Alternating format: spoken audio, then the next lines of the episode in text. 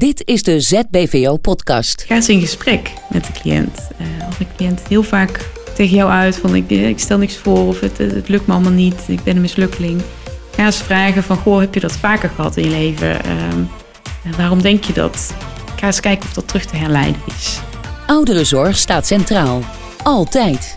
Iedereen binnen ZBVO is erop gericht ouderen een fijne dag te geven. Een oude dag zoals zij die willen. Kwaliteit van leven staat voorop. Dat betekent dat wij het anders doen. Wij helpen zorginstellingen, zorgvilla's en huisartsenpraktijken die net als wij denken in mogelijkheden en gaan voor efficiëntie op de werkvloer.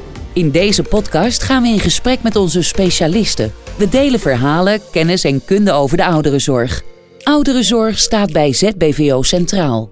Altijd. Welkom bij de derde podcast van ZBVO. Tegenover mij zit onze gast van vandaag, Kim Ballak de Zwart. Je bent GZ-psycholoog bij ZBVO. Je bent ook een uh, belangrijke schakel voor het zorgteam. En je behandeling is erop gericht om het welzijn en de kwaliteit van het leven te verbeteren. Kim, hartelijk welkom. Dankjewel. We gaan met jou een gesprek over de vijf psychologische basisbehoeften van ouderen. Tips, herkennen en het allerbelangrijkste, handelen. Dat zijn de sleutelwoorden die erbij komen kijken. We gaan ze stap voor stap met je bespreken. Laten we bij het begin beginnen, zoals we dat altijd zo mooi zeggen. Vijf psychologische basisbehoeften. Welke zijn dat precies? Ja, de vijf psychologische basisbehoeftes uh, komen oorspronkelijk uit schematherapie. Heeft Jeffrey uh, Jong uh, mooi beschreven. en nee, de, de, eerste is dat je een veilige band kunt hebben met anderen. Dat je onafhankelijk en zelfstandig mag zijn. Dat er duidelijke grenzen zijn. dat je de vrijheid krijgt om je eigen emoties en behoeftes te uiten. En dat je de vrijheid hebt om spontaniteit te tonen en plezier en spel. Binnen de basisbehoefte is uh, veiligheid en verbondenheid een hele belangrijke behoefte. Uh, je vertelde het al zojuist, wantrouwen valt bijvoorbeeld in deze categorie. Hoe herken je nou zoiets? Nou, bij veel cliënten kun je dat herkennen doordat ze wat achterdochtig zijn als je bij ze binnen wil komen of op bezoek wil komen. Uh, dat is niet goed. Dat ze willen weten wat je komt doen. Ehm, je kunt het ook herkennen dat ze de deur altijd goed op slot willen draaien. Ehm, of dat ze ja, snel uh, afgeleid zijn door prikkels, deuren die dichtslaan, uh, snel schrikachtig zijn. Ehm, bijvoorbeeld een dame die ik recent heb gezien, uh, blijkt de basisbehoefte, veiligheid en verbondenheid aan anderen, dat, dat is in haar levensgeschiedenis in de vroege jeugd al misgegaan doordat ze seksueel is misbruikt.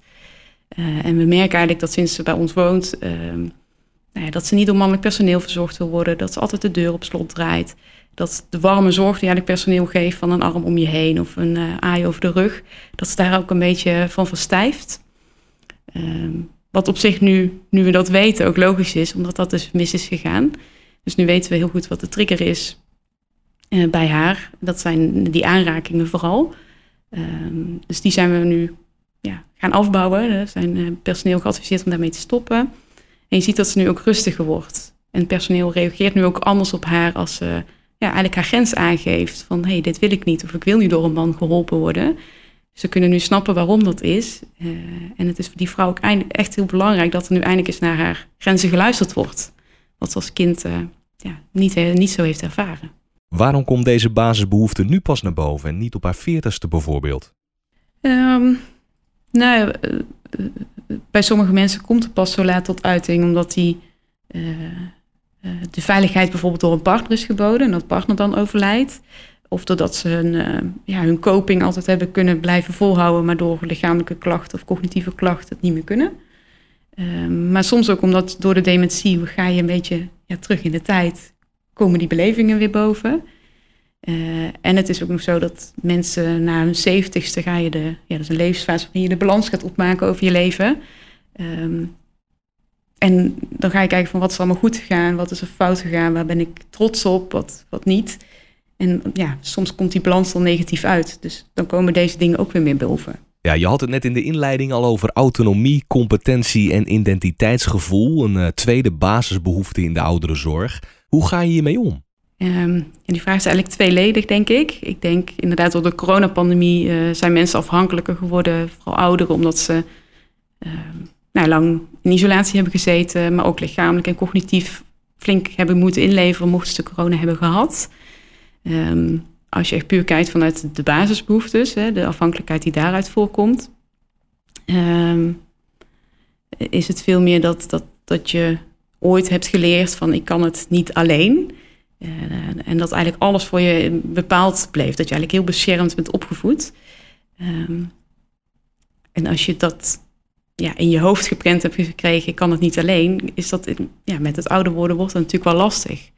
Uh, dan word je afhankelijk van anderen. En dit zijn ook vaak mensen die het heel erg prettig vinden als er dan gezegd wordt, je mag naar een verzorgingshuis of je, je, je, mag ergens gaan wonen waar continu zorg is. Waardoor ze eigenlijk die afhankelijke rol kunnen blijven behouden en dat patroon niet hoeven te doorbreken. Is het belangrijk om zo'n patroon te doorbreken? In principe hoeft dat niet per se, tenzij het een probleem wordt. Het zijn vaak dames, moet ik zeggen. En zodra de levenspartner dan wegvalt, hè, vaak is dan de man toch heel erg sturend geweest, heeft altijd regie uh, gehouden, de keuzes gemaakt voor ze. Um, als dat wegvalt, kunnen ze vaak niet meer alleen thuis wonen. Uh, mocht dat, hè, het is wel een maatschappij waarin we steeds langer thuis moeten blijven wonen, dan wordt het wel een probleem en moet je er iets mee. Maar ook als mensen wel in een verzorgingshuis terechtkomen, zijn dit de dames die claimend worden, die veel bellen, die uh, uh, ja, continu de bevestiging gaan zoeken. En dat is voor een zorgteam eigenlijk uh, ja, niet te doen. Ja, het is voor iedereen en dus ook voor ouderen belangrijk realistische grenzen te stellen. Daar hecht jij veel waarde aan. Kan je daar eens een, een aantal voorbeelden van geven? Vaak is het eerste signaal dat een zorgprofessional dan uitblust of denkt: waarom ben ik altijd voor die man zo aan het rennen, terwijl voor de, voor de buurvrouw doe ik het niet. Uh, dan is het denk ik goed om daar eens bij, na te, bij stil te staan waarom die cliënt dat oproept. En om daar inderdaad op een goede manier grenzen aan te gaan geven. Er was wel een vraag waarover ik aan het dubben was, want dat is vanuit een basisbehoefte gezien. Je hebt natuurlijk vanuit uh, dementie en ontremming bij dementie, hè, omdat de cognitieve functies hè, verminderen en de frontaalkwap uh, ja, niet meer zo doet en niet meer de rem kan geven op je gedrag, moet je ook grenzen geven. En moet je, uh, dat gedrag wordt veel impulsiever. Dus stel je loopt langs als vrouw en de man die geeft de pets op je billen vanuit ontremming, vanuit zijn dementie, moet je ook duidelijk aangeven dat je daar niet van gediend bent. Als, als je daarin meegaat, gaat het van kwaad tot erger. Dat is een andere reden waarom, je, ja, waarom het belangrijk is om grenzen te stellen daar. Ik ga weer even een stukje terug. In het begin van de podcast had je het over zelfexpressie. Ik heb ooit ergens gelezen dat het een symbool is voor macht over jezelf. Eigenlijk de waardering van de patiënt. Dat lijkt me erg lastig om te diagnosticeren. Hoe doe je dat? Um, ja, vaak zijn de eerste signalen wel uh, duidelijk voor mensen. Uh, dit zijn de cliënten die zich snel minderwaardig voelen of een mislukkeling. Uh, vaak termen van ik stel niks voor of ik kan het niet. Of, heel erg op missers denk ik, ik ben een mislukkeling. Um, dat zijn vaak de eerste signalen die je kunt oppikken. Om dan vervolgens te diagnosticeren waar dat vandaan komt. Ja, dat is wel heel lastig. Want dat kunnen eigenlijk uitingen zijn van heel veel dingen. Um, mensen met een depressie zullen zich minder waardig voelen. En mensen met de beginnende cognitieve klachten merken dat ze meer missers maken en zullen zich een mislukkeling gaan voelen.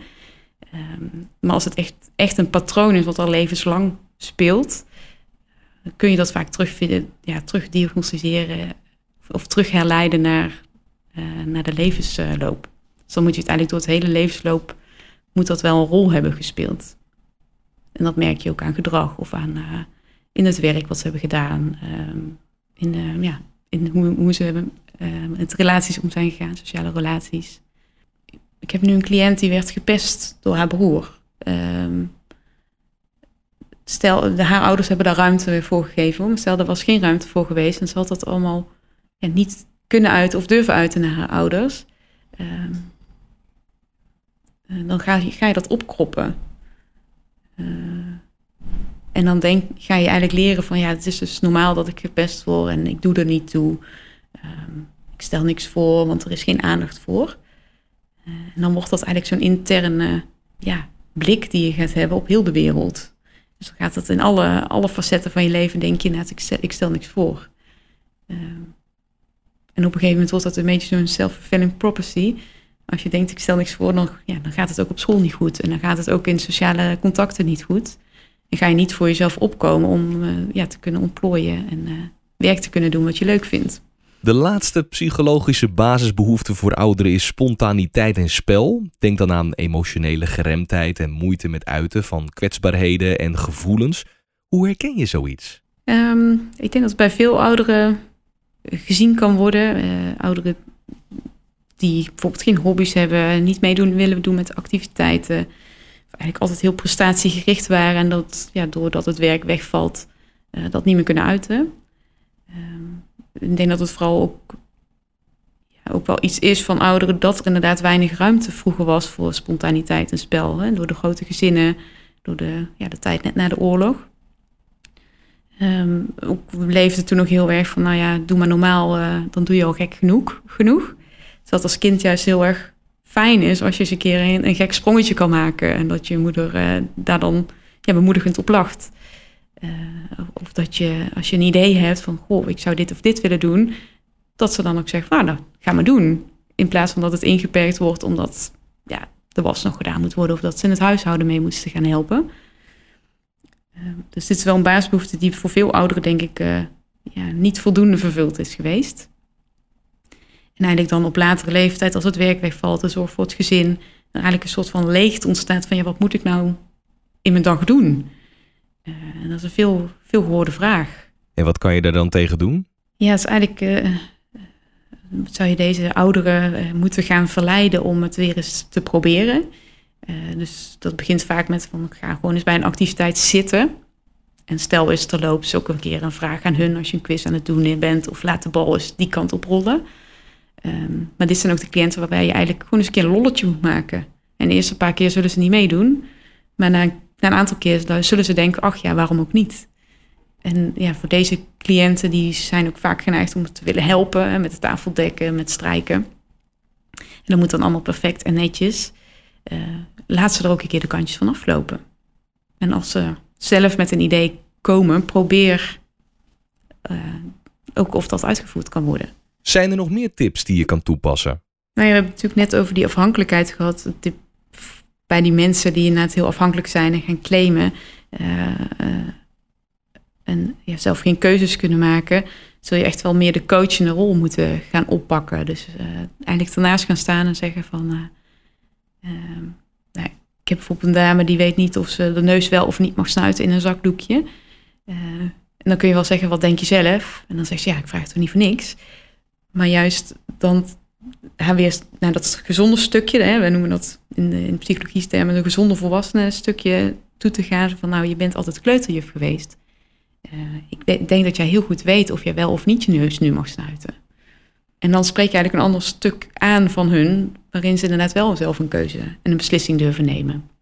Mm, dus dan wordt het meer een, ja, een coachende stukje. Soms helpt het om twee keuzes te geven, dat ze toch zelf de keuze maken. En je, ja, je gaat eigenlijk vooral zitten op kleine successen en die vaak herhalen. Van, hè, vandaag is dit gelukt.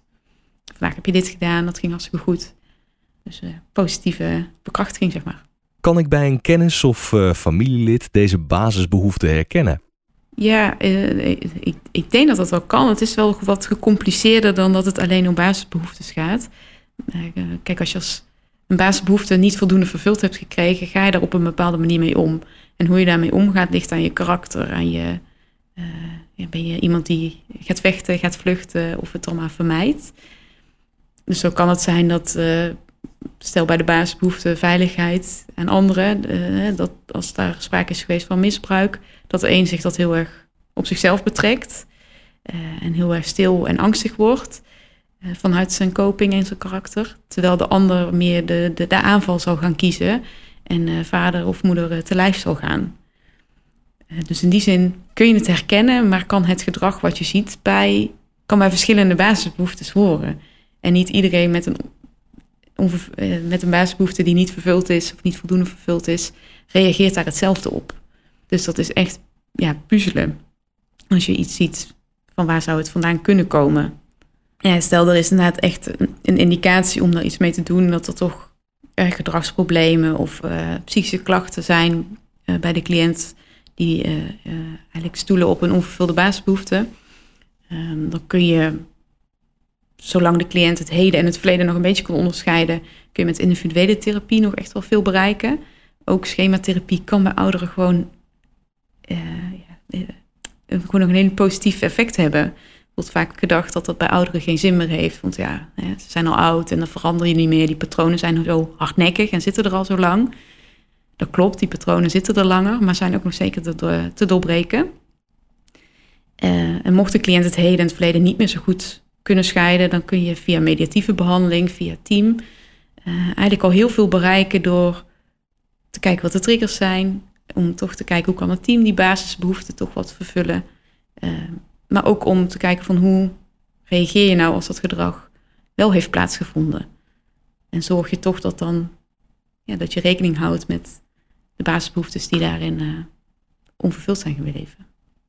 Uh, nou ja, hoe je eigenlijk mediatief, hè, dus uh, via team mensen toch nog die basisbehoeftes, of daar iets mee kunt en daar met het, mee het gedrag kunt beïnvloeden. een mevrouw die vroeger dus vaak gepest is, zich daardoor ja, altijd sociaal wat teruggetrokken heeft. Kun je je voorstellen als je altijd gepest wordt, dat je dan een bril krijgt van hoe andere mensen, dat kan gevaarlijk zijn, laat ik me maar terugtrekken. En daardoor wat ja, sociaal ja, stil is. Misschien ook niet helemaal sociaal vaardig is geworden. Woont nu in een hele grote groep met mensen, van uh, 22 mensen. Uh, en er wordt veel over haar geroddeld. Uh, ze wordt ook ja, soms uitgescholden. eigenlijk herhaalt zich weer dat pestgedrag van wat ze vroeger ook heeft gehad.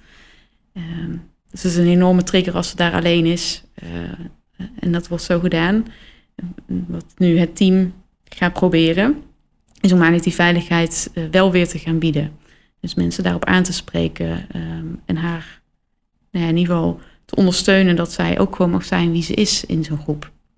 En dat is niet makkelijk om dat voor elkaar te krijgen, om de andere mensen uh, aan te spreken op dat, ze niet, dat dat rol eigenlijk ongepast is en dat we dat dus hier niet doen.